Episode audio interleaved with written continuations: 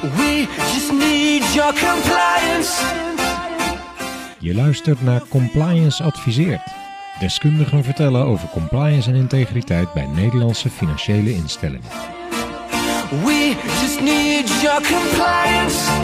Particuliere of zakelijke klanten waarmee financiële instelling A de relatie beëindigt wegens geconstateerde fraude of andere integriteitsrisico's kunnen bij financiële instelling B proberen alsnog het financiële systeem binnen te komen.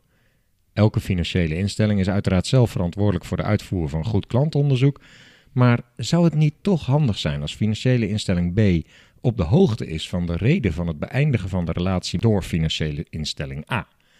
David Zwarts en Wilco Makai, beide werkzaam bij Delta Capita, vertellen in deze podcast over informatiedeling bij financiële instellingen. En dan hebben we het natuurlijk specifiek over het delen van informatie betreffende integriteitsrisico's van klanten. Welkom David en Wilco. Dankjewel. Dankjewel. Ik vind dit een heel boeiend onderwerp, dus uh, ik ben heel benieuwd wat jullie daarover te vertellen hebben. Voor de vaste luisteraar, natuurlijk kennen je David al van de Ja. podcast over herkomst, vermogen en uh, middelen. Met welke compliance werkzaamheden heb je je de afgelopen tijd vooral bezig gehouden, David? Ja, de laatste tijd focus ik me echt op, uh, op learning en development uh, vraagstukken bij uh, verschillende poortwachters van het fi financiële systeem. CDD is natuurlijk enorm in ontwikkeling. Dus daar hoort ook bij dat mensen, mensen constant zichzelf moeten ontwikkelen. Dus uh, ja, uh, learning and development is een heel belangrijk thema. Kun je iets vertellen over de nieuwste ontwikkelingen die je bijbrengt bij de CDD-analisten? Ja, dat zit er echt wel op uh, de, de verschuivingen die we zien binnen het CDD-werkveld. je ziet echt wel dat daar waar het eerst een tick-the-box exercise was, CDD, dat we toch steeds meer maatwerk aan het leveren zijn. CDD wordt steeds omvangrijker, steeds complexer. Dat betekent dat het ook steeds meer een, een, een specialisme wordt. En dat wordt steeds meer erkend uh, door, door instellingen. Heel ja. mooi om te zien dat CDD echt een volwaardig vakgebied is geworden. Een volwaardig specialisme. Ja, en daar horen ook, horen ook gespecialiseerde opleidingen bij. Om mensen nog verder te ontwikkelen. En het is natuurlijk een markt waar uh, op dit moment heel veel instroom is van jong talent. Instellingen, banken zijn enorm aan het opschalen. Dus ja, veel jong talent betekent ook veel, uh, training. Ja, veel training. Veel minder ervaren mensen die behoefte hebben aan, uh, aan extra learning en development. En Wilco, kun jij vertellen wat, jij, uh, wat jouw ervaring is met compliance? Ja, dat kan ik zeker. Ik ben sinds 2019 werkzaam bij Delta Capita. En daar ben ik twee jaar lang fraudespecialist geweest bij, bij een grootbank. En sinds juli van 2021 ben ik ook KYC-analyst. Uh, dus een heel andere ja, pad opgegaan. Het is ook gewoon een andere tak van sport. Dus ja, ik heb een beetje ja, twee verschillende... Maar uh, als ik het goed begrijp, krijg jij training van David dan ook regelmatig? Ik heb inderdaad uh, aan mijn begin heb ik een onboarding gehad van, van David in maar, 2019 al. Maar nu train jij hem met de dingen die jij echt in de, in de praktijk hebt geleerd. Als het over fraude gaat, dan heb ik wel wat te vertellen. Zeker, David. zeker. Ja. Zo leren we van elkaar. ja, ja, precies. Ja. Mooi. Dus voornamelijk fraude. Niet zozeer CDD op witwasgebied. Nou, daar zit ik pas ja, nog geen jaar. Dus voor mij is dat wel een nieuw, ja, nieuw vakdomein. Uh, al zit ik wel op, op de grootzakelijke klanten. Dus daar leer je heel snel heel veel. Ja. En dat vind ik heel fijn. Maar fraude heb ik ja, ruim twee jaar gedaan. Dus daar ligt iets meer mijn uh, specialisme op dit moment nog. Ja, want als we het over informatiedeling hebben... De klant wordt uh, bij de ene bank beëindigd, de relatie, en bij de andere bank gaat hij weer naar binnen. Dan heb je het toch voornamelijk over fraude. Dan gaat het uh, vaak over fraude, inderdaad. Ja, en, dat is even uh, belangrijk ja. om te beseffen. Ja. David, waarom zouden financiële instellingen precies klantinformatie willen uitwisselen? Naast dan wat we net bespraken, die fraude. Ja, je ziet wel dat dat echt een, een toenemend uh, vraagstuk is in de afgelopen tijd. Ik denk dat we vooral eens moeten kijken naar de historische context van, uh, van CDD. Tien jaar geleden begon dit een thema te worden. Nou, dat heeft zich in de afgelopen tien jaar heeft het zich echt stormachtig ontwikkeld.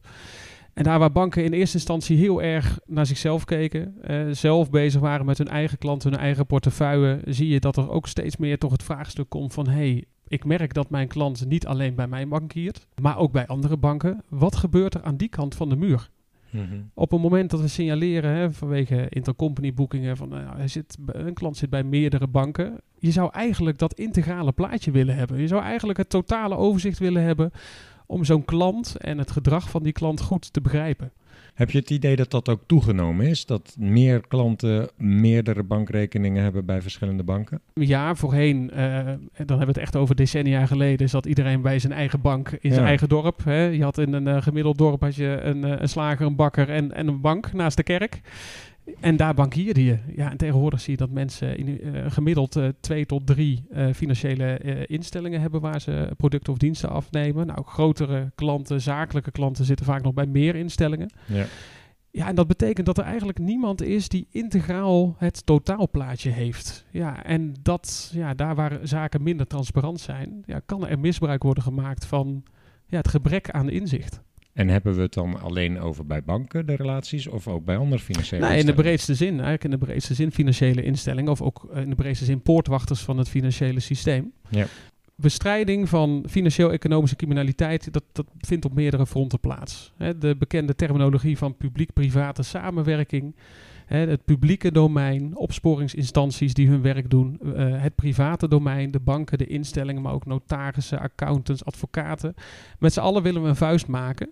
En met elkaar willen we een keten vormen om financieel-economische criminaliteit een, eh, een halt toe te roepen. En normaal zeg je van de, de, de, de ketting is zo sterk als de zwakste schakel. Ehm, maar we hebben eigenlijk nog niet echt een ketting. Ja. Omdat ja, we kunnen nog, zeker binnen het private domein, nog niet echt een keten vormen. Waarbij we binnen het domein actief met elkaar samenwerken op het gebied van KYC. Waarbij we elkaar helpen om integraal een beeld te hebben van die klant.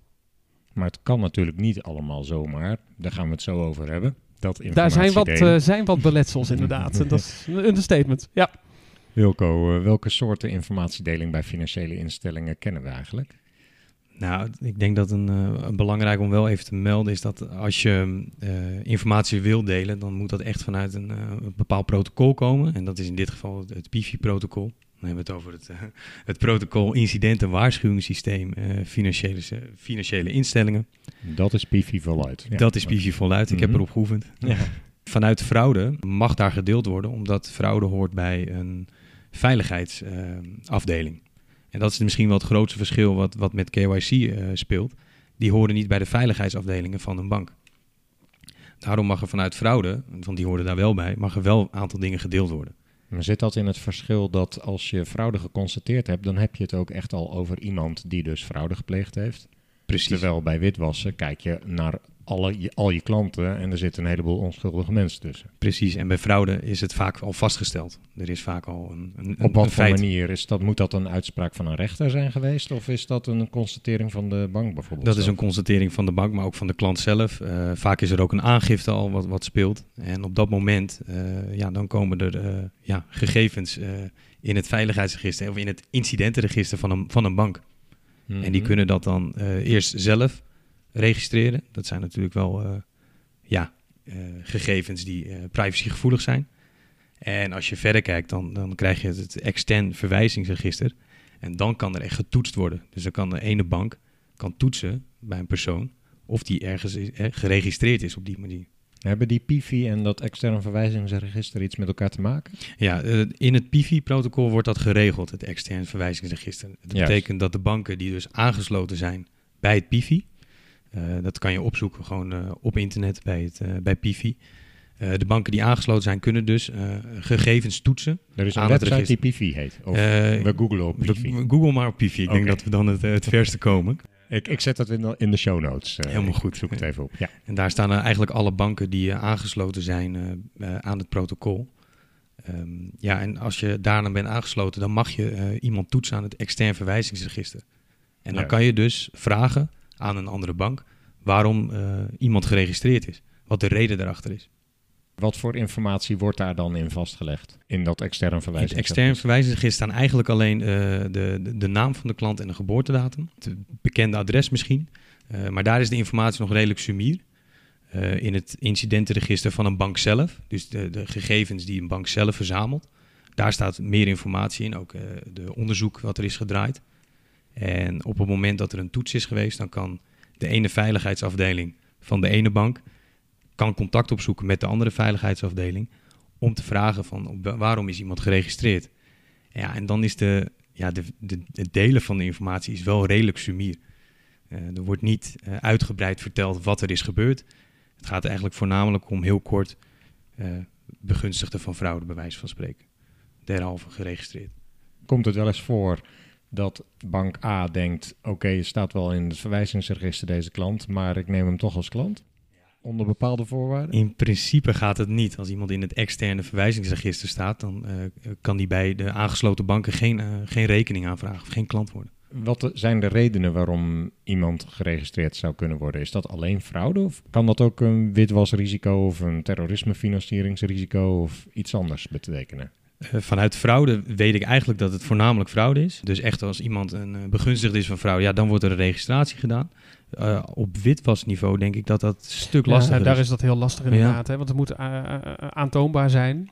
Uh, dus inderdaad, daar zie je de, al de eerste zwakte in het systeem.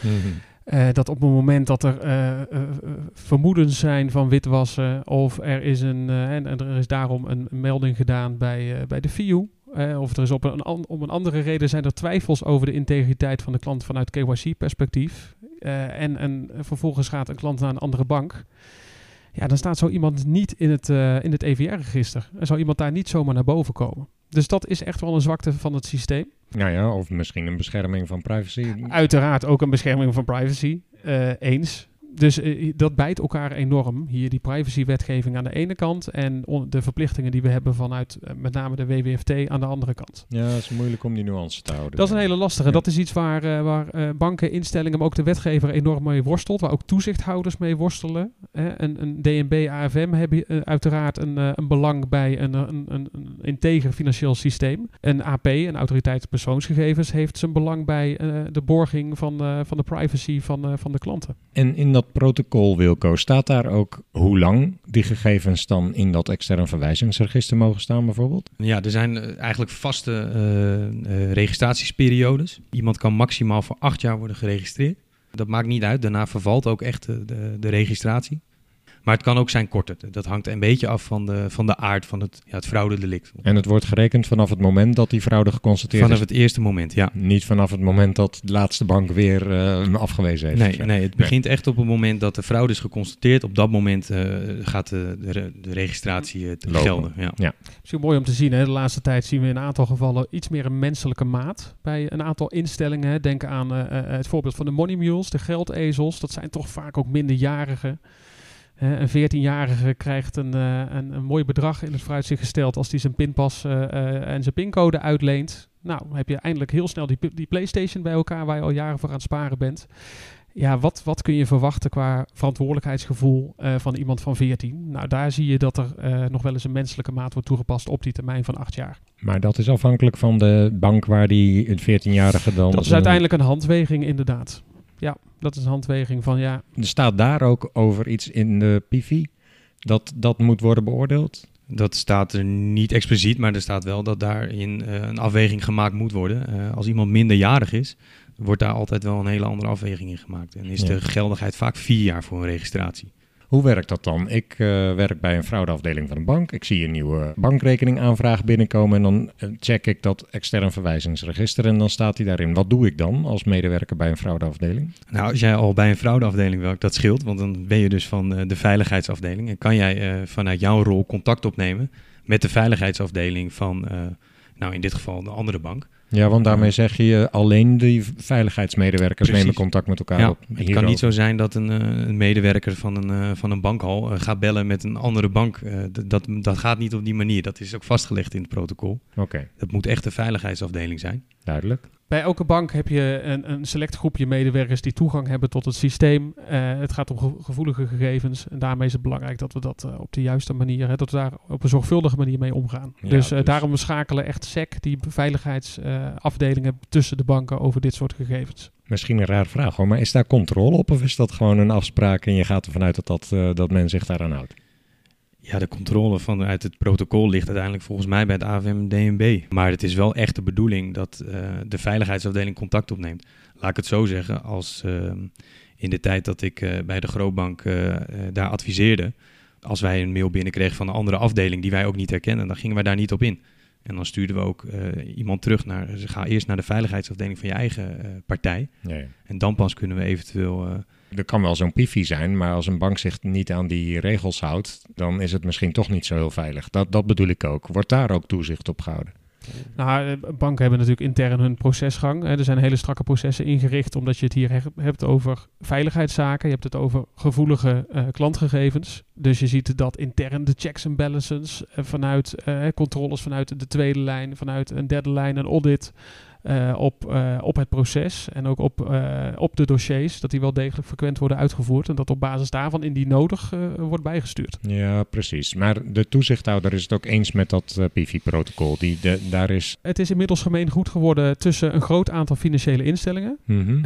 En daarmee dus ook onderdeel van de scope binnen een toezichthouder. Wie kunnen er allemaal meedoen aan dat PV? Kunnen betaalinstellingen of crypto-wisselkantoren ook meedoen?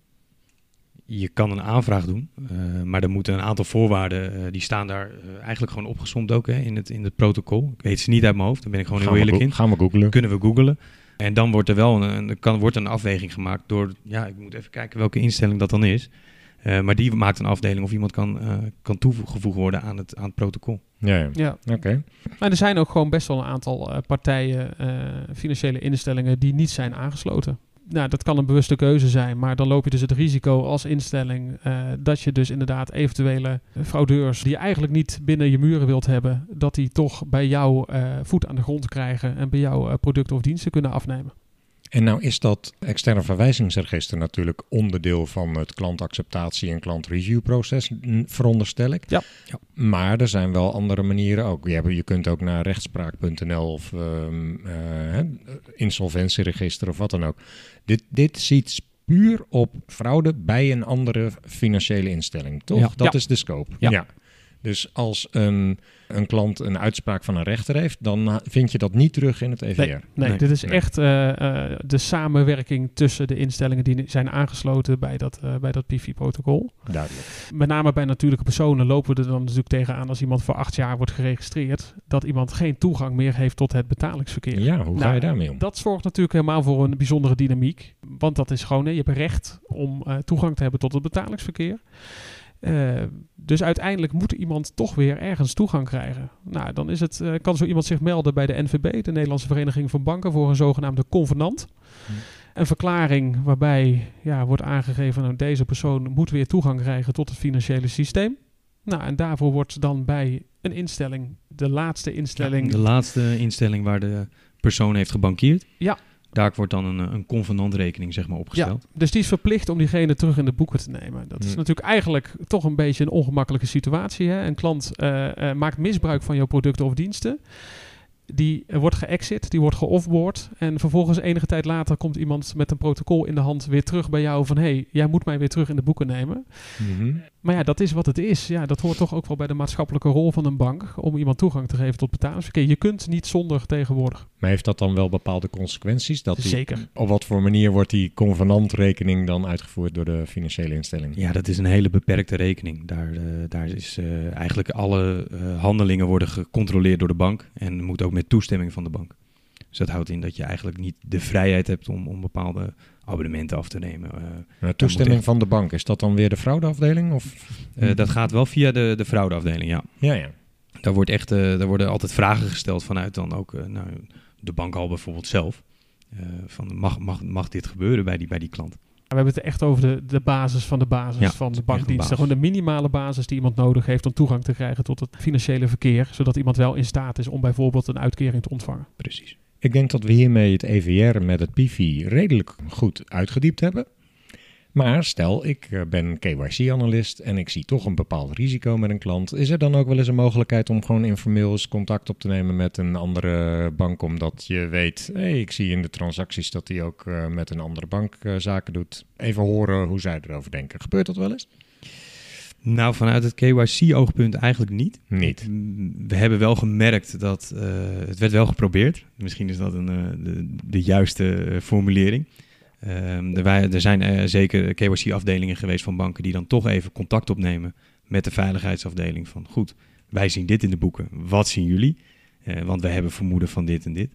Ja, alleen dan, dan heb je gewoon niet een, een wettelijk basis om... basis om dit te delen. En dat, dat maakt het voor het KYC-gedeelte heel lastig. Ja, ja. En vanuit fraude werd er wel eens gebeld.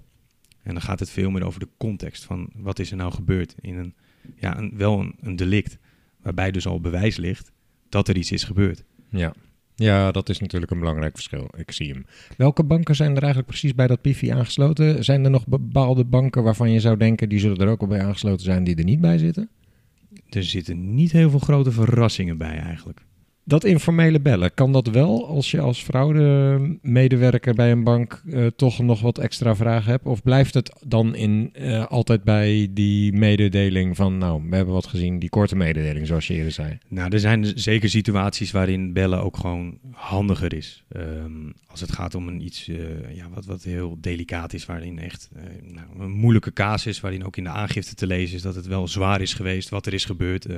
echt traumatiserend bijvoorbeeld ja, dan kan je dat met een mail, kan je dat niet zo uitleggen. Mhm. Zeker ook als er twijfel staat over van, nou goed, eh, wat is er nou precies gebeurd? Ja, dan wordt er door de bank wel eens contact opgenomen. Dus dan gaan de veiligheidszaken toch even met elkaar uh, zitten om dat ja, toch even recht te, te, trekken. Van wat is hier nou gebeurd? Kunnen we wat meer context krijgen? Hm. Toen ik in 2019 begon, werd er eigenlijk altijd gebeld. Dus als er, wat er ook gebeurde, er was een, een WhatsApp-oplichting geweest, werd direct naar de andere bank gebeld van, hey, staan er nog gelden veilig? Uh, wat zijn de gegevens van de rekeninghouder? Ja, ja. Want die wil je uiteindelijk weten. Maar goed, aan het begin waren er 50 casussen per dag. En eind 2019 was dat al, denk ik, 90 casussen. Nou, toen ik wegging in 2021 waren het nou, richting de 200 casussen. Ja, moet je bijna een callcenter voor oprichten. Precies. En uh, daarnaast heb je ook een bepaalde nou, paper trail. Waarbij je dus niet, de data dus niet uh, kan nagaan wat, wat er is gedeeld met elkaar. En dat, dat, dat maakt het ook dat informeel bellen wel een lastig principe is. Dus er werd overgegaan op? Uiteindelijk uh, zijn er uh, ja, ma mailboxen gemaakt. Uh, die echt alleen toegang hebben door de speciale medewerkers.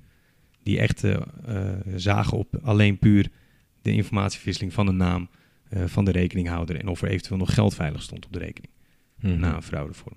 Ja, want dat is wel een andere vraag dan. Uh, ik heb hier een nieuwe klant en ik zie hem in het EVR staan. De vraag: ik zie dat er winsten uit fraude naar jouw bank zijn gegaan. Kun je dat vasthouden? Is natuurlijk een ander type vraag. Ja. Maar dat wordt ook op diezelfde manier dat is de met vraag. Pifi uitgewisseld? Ja, dat is hetzelfde uh, principe. En dat is eigenlijk de vraag waar veel meer mee bezig is vanuit de fraudezaken. Uh, het EVR-register is echt puur een toets of iemand geregistreerd is. En dan kan, kan je dus als uh, analist beslissen van, nou goed, ik neem contact op met de andere veiligheidszaken. Mm -hmm. Maar wat eigenlijk 90% gebeurde was, naar de andere bank toe, vragen of er nog gelden veilig staan. En wat is, zijn de NAW-gegevens van die rekeninghouder? Ja. En daar zijn echt hele speciale formats voor gemaakt uiteindelijk, omdat ja, het was niet bij te houden. Nou, die paper trail wordt natuurlijk steeds belangrijker. Ja. Hè? We zien uh, in deze tak van sport uh, vastlegging, uh, paper trail, audit trail. hoe hebben we gehandeld? Dossiervorming. Ja, dat, dat is natuurlijk in toenemende mate steeds belangrijker geworden. Dus daar zie je echt wel een stap van informeel bellen naar inderdaad gebruik van die schablonen. Ja, en die enorme vlucht die we hebben gezien de afgelopen jaren bij financiële instellingen. We zagen met name een soort corona-effect. He, vanaf uh, begin van de coronatijd, begin 2020, zagen we dat we met z'n allen thuis gingen werken. Maar ook criminelen gingen met z'n allen thuis werken. Dus we zagen een enorme toename in WhatsApp-fraude, uh, spoofing, phishing uh, en andere vormen van fraude. Mm -hmm. Dus in plaats van straatroven, overvallen en inbraken, zagen we dat criminelen ook hun businessmodel gingen veranderen. Nou, dat heeft een, enorm druk, een enorme druk gelegd op de fraudeafdelingen van de verschillende instellingen. Waardoor je ook, da ook daar het aantal fraudegevallen echt significant zag stijgen. Ik kan er me iets bij voorstellen, maar Ja. het is misschien wel weer wat beter te traceren in ieder Het geval. is, je laat sporen achter Inderdaad, digitaal. je laat Ja. sporen achter. Ja. Het belangrijkste is misschien daarin ook wel dat potentiële slachtoffers, en vooral oudere mensen, gedwongen werden om online bankzaken te gaan doen. Ja, ja. Wat voorheen helemaal niet gebeurde. Ja. Eh, zeker, die gingen toch wel nog naar het kantoor. Ja, nu zaten ze allemaal online. Ja, dat is echt enorm gestegen vanaf maart 2020. Als we nou over die informatiedeling hebben, en het is voor fraude dus mogelijk tussen fraudeafdelingen onder dat PIFI-protocol, maar wat is eigenlijk de, precies de reden waarom het dan voor uh, bijvoorbeeld KYC-dossiers niet toegestaan is?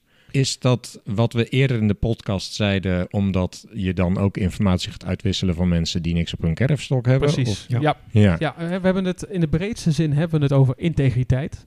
Zowel bij de veiligheidszaken als bij KYC AML hebben we het nog steeds over integriteit en het schoonhouden van het financiële systeem. Maar binnen het PIFI-protocol heb je de wettelijke grondslag. Want je hebt een vermoeden van, of in ieder geval, eh, of aantoonbaar zelfs, een, eh, een fraudegeval. Daar zit de wettelijke Daar zit die basis. Ja. Nou, dan heb je het over mogelijke criminele eh, aspecten. Dus mogelijk ook bijzondere persoonsgegevens. Nou, daar is, als, is dat, dat PIFI-protocol is er.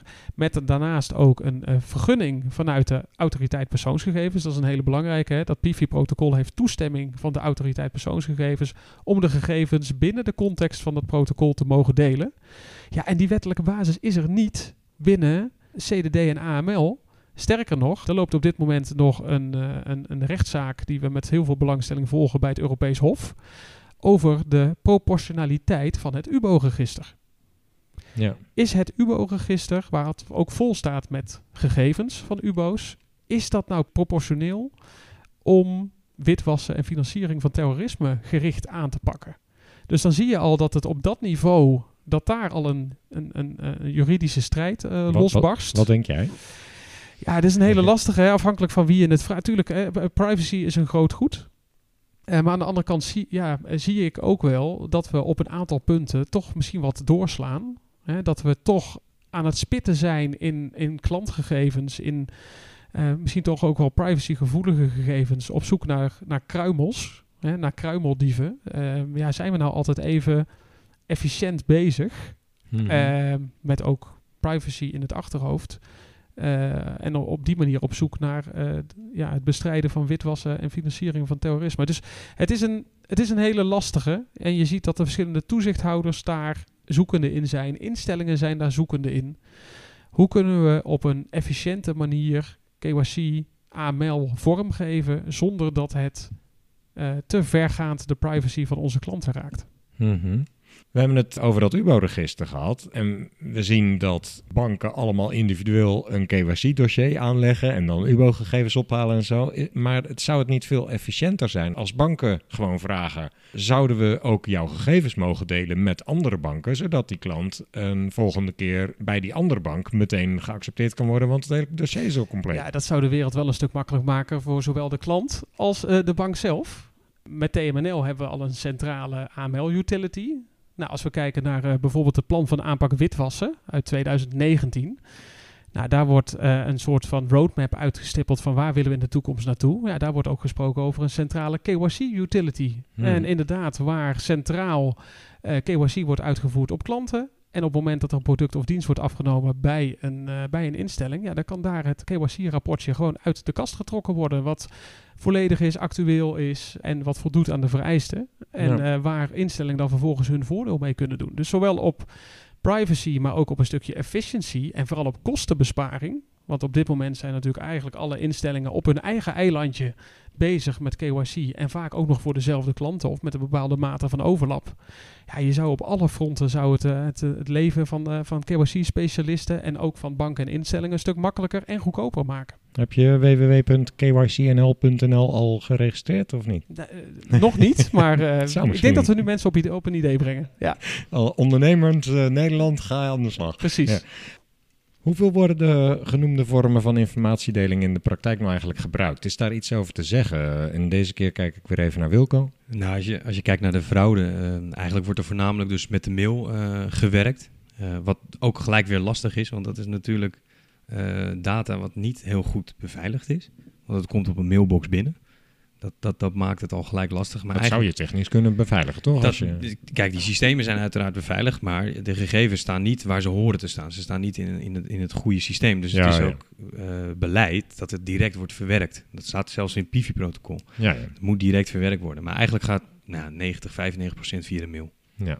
En, en hoeveel mail moest ik aan denken? Je zei net iets van 200 gevallen per dag of zo? Ja, dan, maar dan hebben we het echt over, over fraudezaken. Mhm. Eh, maar qua mail, ehm, als we het echt over de gegevens hebben, zit dat wel gelijk, denk ik. Dus ook ongeveer aan 200. Eh, maar ja, een, een, een, een, eh, veiligheidsbox eh, in mailbox loopt verderop. Ja, Dat gaat maar dat, dat, oké, dat begrijp ik. En dan hebben we het over het perspectief vanuit één bank. Dus het Ja. kan zijn dat er tussen andere banken meer gegevens uitgewisseld worden. Ja, dat, die, die kans is zeker zo. We hebben het nu eigenlijk over één bank. Ja. Eh, maar bij andere banken zal het eh, vergelijkbaar zijn of iets minder. Dan heb je het over best wel veel mailverkeer op, een, op één dag. Ja, want voor alle duidelijkheid, voor mocht een luisteraar dat hebben gemist, het is dan niet zo dat als er ergens een bank een informatiebehoefte heeft eh, vanuit dat EVR-register, dat dat dan bij alle banken rondgaat. Hè? Het is alleen tussen de afdeling veiligheidszaken van de bank waar die klant een rekening wil.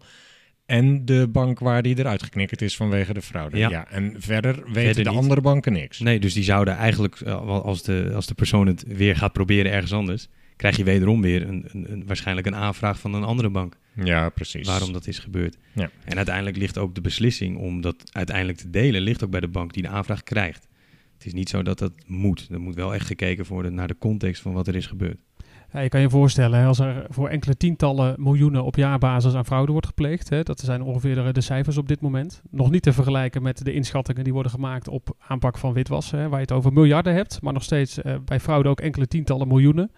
Wat via het financiële systeem gaat en waar dus een instelling, linksom of rechtsom of meerdere instellingen bij betrokken zijn, ja, dan kun je je voorstellen dat dat inderdaad gaat om eh, tientallen eh, cases per dag of inderdaad honderden cases op weekbasis. Ja. Alleen al dat thema van zo'n money mule, zo'n geldezel wat ik noemde. Ja, daar zijn bij grotere instellingen enkele eh, of vele FTE's eh, fulltime mee bezig om één zo'n specifiek thema binnen het fraude domein om dat aan te pakken. Dus dat is een, eh, een gigantisch apparaat. Omvangrijk. Heel omvangrijk. Hm. Ja, nog niet zo omvangrijk als wat we zien natuurlijk binnen, binnen CDD. Daar zien we natuurlijk dat tegenwoordig de gemiddelde grootbank net zoveel eh, CDD-analisten heeft als dat er in Nederland wijkagenten rondlopen. Vond ik, eh, ik zag die laatst voorbij komen in de media, die vergelijking. Die vond ik wel heel treffend. Ja. Binnen eh, fraude is dat nog niet zo groot. Maar je kunt je wel voorstellen met al die tientallen miljoenen aan fraudezaken, tenminste aan schade, dat daar ook een heel apparaat achter schuil gaat om dat allemaal in goede banen te leiden. Er zijn mensen die denken dat we effectiever zouden kunnen zijn als Nederland om gewoon meer jongeren te begeleiden eh, om te voorkomen dat ze de criminaliteit ingaan. Maar dat is even een eh zijspoor. Ja, die, die, die initiatieven zijn er ook geweest, ook vanuit, eh, vanuit verschillende banken, om dat op te zetten. Eh, alleen dat, dat, dat blijft altijd een beetje in hangen. In, Hoe bedoel je precies? Welke initiatieven zijn dat? Eh, er zijn, eh, dat weet ik vanuit de bank waar ik, eh, waar ik aan de slag ben geweest, dat ze samen met de politie en ook met, eh, met bureau Halt eh, geprobeerd hebben om, om iets op te zetten. Om jongeren te, ja, te laten zien wat er kan gebeuren. Oh, met Money Mules. met money mules, ja, Alleen dat, dat blijft toch altijd een beetje hangen in het... Nee, ik dacht dat die KYC-analisten de straat op gingen om eh, Oh. jongeren te begeleiden. Dat was helemaal mooi geweest. Als we nou kijken naar eh, wat we tot nu toe besproken hebben, in hoeverre is dit werkelijk effectief? Wat merk jij in de praktijk daarvan, eh, Wilco? Soms kun je nog redden wat er te redden valt. Ik weet nog een case geweest van jaren geleden, waarbij op een gegeven moment een klant boos naar de bank belde. Want die vond toch dat wij vrij onbeschoft haar te woord hadden gestaan en toch ontzettend aan het drammen waren geweest om bepaalde gegevens op te vragen. En wij kijken in het systeem en wij hadden die klant helemaal niet gebeld. Dus er ging al gelijk een belletje rinkelen. Hmm. Nou, toen bleek er al een groot geldbedrag verdwenen te zijn van de rekening. Hmm. Veiligheidszaken ingeschakeld. Die hebben meteen contact ge- opgenomen met, eh, met de andere bank. Waar, die, Eh, eh, waar dat geldbedrag, ja, waar dat geldbedrag naartoe is gegaan. En die waren in staat om dat bedrag nog tegen te houden. Kijk, Ja, de klant blij. En dan zie je toch dat in bepaalde situaties, juist waar snelheid belangrijk is, dat je nog in staat kunt zijn om eh, te voorkomen dat bepaalde bedragen verdwijnen naar het buitenland of contant worden opgenomen. Wij ook blij, want het hele kantoor werd getrakteerd op, eh, eh, op gebak een dag later door de klant. Maar Ja. daar zie je dat ook gewoon ouderwets bellen in bepaalde situaties, daar waar spoed vereist is, ook echt wel het verschil kan maken. Wat je nu als voorbeeld geeft, hoe vaak komt dat dan voor ongeveer, denk je? Het geld in ieder geval vast te houden wat uit fraude afkomstig was. Dat hangt ook een beetje af van de, de transactiemonitoring die er ook bij de andere bank zit. Die houden namelijk ook gewoon bedragen tegen. Er zitten natuurlijk ook gewoon eh, algoritmes achter die dan als er een bepaald bedrag binnenkomt, meerdere keren, ja, dat er ook een, eh, een bepaalde ja, slot op de rekening komt, eigenlijk automatisch. Dus dat hangt er ook vanaf. En ja, goed, wat we hebben gezien op het moment dat de- het mailen echt ging lopen, dus dat er de speciale blokkade mailboxen zijn geweest, eh, dat er ook echt wel, wel, wel bedragen terugkwamen. Ja, En Ja. De snelheid is wel echt eff- ja, essentieel. De, de fraudeur staat natuurlijk gewoon naast de pinautomaat ja, om het op te nemen. Ja, da- daarom werk, eh, hè, wordt er ook gewerkt met piketdiensten bij, eh, bij banken. Om die snelheid erin te houden, zelfs per e-mail. Het beheer van die mailboxen, snel acteren, redden wat er te redden valt. Eh, wordt er gebruik gemaakt van piketdiensten, zodat het te alle, tijd iemand, eh, alle tijden iemand is die eh, adequaat kan ingrijpen daar waar nodig. Voordat we naar de afronding van deze podcast gaan en nog even kijken naar de toekomst op dit vlak en natuurlijk jullie afsluitende advies aan de luisteraar, wil ik nog graag vragen: heb- welke case is nou nog jou echt bijgebleven eh, vanuit de praktijk, Wilco? Wat is nou hetgene wat jou nog het meest bijstaat van dat was nou echt een duidelijk goed voorbeeld van informatieuitwisseling wat goed werkte? Ehm, er was een klant die ehm, was gefisht. En daarbij was er, eh, waren er meerdere nieuwe passen aangevraagd. Daarmee zijn er ook nog eens verschillende rekeningen geopend. En hebben we het niet over vijf rekeningen, zijn 30 rekeningen geopend bij die klant. Ehm, daar sloeg ook onze transactiemonitoring uiteindelijk op aan. Alleen dat ging te laat. Het was een vermogende klant. Is voor ruim drie ton is er weggesluist en naar een andere bank. En het ging eigenlijk allemaal naar één bank. Op dat moment heeft de Piquet-medewerker dus s'avonds al kunnen bellen naar die andere bank. Van goed, wij zien dit. We hebben nog niet alles in kaart, maar kunnen jullie alsjeblieft kijken vanaf deze, deze, deze, deze rekeningen waar het geld naartoe gaat. Ehm, de volgende ochtend eh, zijn wij direct aan de slag gegaan om alle mailtjes gelijk eruit te zetten. Dus dat hebben we met, met, met een klein groepje gelijk opgepakt. Omdat ja, dit is een bijzondere casus. En eigenlijk juist door en het bellen en de transactiemonitoring en de mail... hebben we nog bijna een ton eh, kunnen terugkrijgen vanuit eh, van de fraudeurs eigenlijk. Dus dat, dan zie je wel dat het eh, eigenlijk allebei nog wel noodzakelijk is. En juist ook dus de, de context die tijdens het bellen is gegeven in die piket... van wat voor soort fraude het is geweest, hoe bijzonder het eigenlijk was. Want het is niet normaal dat er zoveel rekeningen worden geopend. Ja, dat maakt, het, dat maakt het mooi en dat blijft je bij. En dan ben je ook blij. Tuurlijk, eh, het is verschrikkelijk wat er is gebeurd, maar dat er toch nog geld terug is gekomen... ja, dat is toch wel, wel fijn. Netjes, inderdaad. Maar dan zie je de kracht van het systeem en daarnaast ook inderdaad de kracht van die samenwerking, die kracht van die eh, uitwisseling van gegevens. Hoeveel heeft de fraudeafdeling en het PIFI-protocol met het werk van de compliance professional te maken? Wat is zijn rol daarin? Ja, ik zou me nog kunnen voorstellen dat een compliance officer betrokken is bij het auditen van wordt in onze bank eh, netjes de, het PIFI-protocol nageleefd, bijvoorbeeld? Heb je, heb je daar wel eens mee te maken gehad in de praktijk of niet? Ik zelf eh, niet, Nee. heel eerlijk gezegd. Nou, compliance is natuurlijk eh, sowieso de, de policy owner vanuit de tweede lijn. Heeft daarnaast een adviserende functie. Dus eh, ik kan me voorstellen dat bij complexere vraagstukken dat eh, compliance geraadpleegd kan worden, om advies kan worden gevraagd. Eh, en inderdaad ook eh, vanuit een eventuele eh, controlerende functie, vanuit monitoring. Van ja, eh, functioneert het proces? Eh, zijn de dossiers op orde? Is die paper trail op orde? Ja. Ik kan me voorstellen dat compliance daar wel degelijk inderdaad een rol heeft. De privacy officer, die, Zeker. die, die is er ook Ja. in ieder geval bij betrokken. Ja. En sommige kleinere financiële instellingen is die rol misschien wel on- ongeveer gecombineerd soms. Dus Dat is ook de reden dat dit soort gegevens vanuit veiligheidszaken in een speciaal systeem worden opgeslagen. Dat is bij elke financiële instelling zo, waar dus een beperkt aantal mensen toegang tot heeft en ook het gebruik van dat systeem. Ja, daar zit inderdaad heel veel, eh, is gebonden aan richtlijnen. En eh, dat is inderdaad een combinatie vanuit eh, voorschriften vanuit PIFI-protocol, veiligheidszaken, maar zeker ook privacywetgeving. Duidelijk. Tot slot dan, welke ontwikkelingen verwachten jullie op wat langere termijn op dit vlak? Ja, daar, hè, waar ik het net al over had, die, die rechtszaak die loopt over dat UBO-register. Ik denk dat dat een hele belangrijke wordt. Wat wordt daar de uitspraak? Hoe kijkt een Europese rechter naar het samenspel tussen privacywetgeving aan de ene kant en wetgeving om ja, een schoon en zuiver financieel systeem te hebben aan de andere kant? Ik denk dat dat wel een bepaalde precedent gaat geven zometeen. Daarnaast zien we dat de overheid toch wel echt droomt van die centrale KYC-utility en centrale AML-utility. Eh, we zien natuurlijk steeds meer ook eh, interbankaire samenwerking, waarbij echt wel de samenwerking wordt opgezocht van ja, hoe kunnen we in ieder geval met elkaar optrekken, nog zonder die gegevens uit te wisselen. Want daar is die wettelijke basis nog niet voor. Maar laten we in ieder geval proberen uniform te werken, te leren van elkaar, te leren van elkaars eh, systemen, technieken die we inzetten, robots die we inzetten, artificial intelligence. Hè, de ontwikkelingen gaan echt razendsnel op dit Ja. moment. Ja, dat een hele brede ontwikkeling allemaal. Ja. Dat zijn echt enorme ontwikkelingen. En ja, dan, eh, dan eh, wat wordt de, de rol van, die, van, van de privacy en daarmee dus ook de rol van die gegevensuitwisselingen op dat punt? Ja, dat is echt wel. we willen heel veel in die uitwisseling, maar we zien aan de andere kant dat nu met het UBO-register, maar mogelijk ook met verdere initiatieven in de toekomst, ja, dat de autoriteit persoonsgegevens daar bovenop zit. Dat UBO-register is een Europese uitspraak, krijgen Ja. we daarover. Ja. Dat PIFI is Nederlands, dacht ik. Ja. Zien jullie in de toekomst mogelijkheden om met buitenlandse banken zoiets te gaan inrichten? Ik heb daar op het PIFI-protocol eh, nog, of op veiligheidszaken nog geen initiatieven gezien. Nee. Tuurlijk, daar wil je uiteindelijk naartoe. Hè, van- Want ik kan me voorstellen dat eh, fraudeurs ook makkelijk het geld zeker zo gewoon naar, het eh, buitenland kunnen. Ja, en, dat ook, gebeurde ook. Dat, dat, en ook vanuit KYC, eh, klanten die internationaal actief zijn, hè, bij banken actief zijn over de hele wereld. Uiteindelijk zou je inderdaad willen naar een samenwerking tussen banken binnen Nederland. En daarna binnen Europa. En als het even kan, wereldwijd. Op die manier kun je inderdaad zorgen dat je echt een, een sterke keten vormt. En het op die manier eh, eh, criminelen zo moeilijk mogelijk maakt om misbruik te maken van het financiële systeem. Dan hebben we het over het private deel. Ja, en dan hebben we natuurlijk ook nog het publieke deel. Hè? Dus die publiek-private samenwerking. Ja, in de ideale wereld kunnen private instellingen onderling, maar ook in combinatie met publieke instellingen, gewoon eh, ja, gegevens uitwisselen, met elkaar bellen.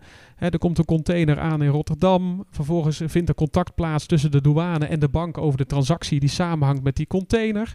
De Fiat kijkt eh, ineens over de schouder mee, want die blijken diezelfde klant ook in het vizier te hebben. En die partijen schakelen vervolgens allemaal met elkaar. Die doen navraag bij de accountant. Ja, dat zou de ideaal. Dan kan je echt een vuist maken en echt inza inzage krijgen in het gedrag van je klant. Ja. Maar ja, je snapt natuurlijk wel dat dit privacy technisch een ontzettend uitdagende wordt. Dus ik denk dat we daar nog heel ver van verwijderd zijn. Nou ja, ik ben wel blij dat je dat zelf ook nog zegt. Ja, want ik zat ja. al te denken, oei oei oei. Ja. Maar inderdaad, ik kan me dat vanuit het bestrijden van witwassen en fraude zeker voorstellen. Ja. Nou, interessant om te gaan volgen. Tot slot, wie mag ik het eerste woord geven? Wie wil graag zijn advies aan de luisteraar eerst kwijt? Nou goed, als ik, eh, kijk, ik ben nog niet zo heel lang eh, actief in het KYC-domein. maar wat, eigenlijk, wat mij eigenlijk altijd is bijgebleven, wat mijn teamleider ook direct aangaf. Hè, wij zien heel veel risico's. We zien altijd, ja, we hebben overal risico's. We hebben een sector, geografisch. eh, we kunnen allemaal risico's verzinnen. En we kijken ook heel snel van, oh, dat, dat, daar kan het risico in zitten. Maar eigenlijk gaat het erom, wat is nou logisch? Is het logisch dat die klant wel daar actief is en wel in die, handen, die goederen handelt? Ja, dat, als je dat altijd in je achterhoofd houdt, dat, dat helpt mij enorm in, in casussen. Want soms dan denk je gelijk, oh, er wordt een transactie gedaan naar een bepaald land. Oei. Maar is het eigenlijk logisch? Nou, misschien eigenlijk wel. Hm. Dat is, ja, om daar altijd even terug te stappen naar, is het logisch? Ja, dat is, heeft mij enorm geholpen. Wilde jij misschien ook nog een niet advies toevoegen? Nou ja, in het, eh, ik heb in mijn eerdere podcast hier natuurlijk ook eh, al een keer een, eh, een, een advies gegeven, generiek, maar dan meer specifiek op dit thema. Tuurlijk, we staan opgesteld primair om dat financiële systeem schoon te houden, maar ga inderdaad toch nog steeds bewust om met klantgegevens. Er zit overal een mens van vlees en bloed achter. Hè, hoe zou je het zelf vinden op een moment dat een analist met een stofkam door jouw eh, transacties zou gaan? Hè, dat is niet het doel van CDD. We doen het risicogericht en we zorgen ervoor dat we ten alle tijde op een integere manier ook omgaan met onze klantgegevens. Dus eh, bewaak alsjeblieft die balans tussen privacy aan de ene kant en het aanpakken van financieel-economische criminaliteit aan de andere kant. David en Wilco, hartelijk dank voor jullie bijdrage aan deze podcast. dankjewel. Heel veel succes ook in de toekomst. Compliance. We just need your compliance. Je luistert naar Compliance Adviseert. Deskundigen vertellen over compliance en integriteit bij Nederlandse financiële instellingen. We just need your compliance.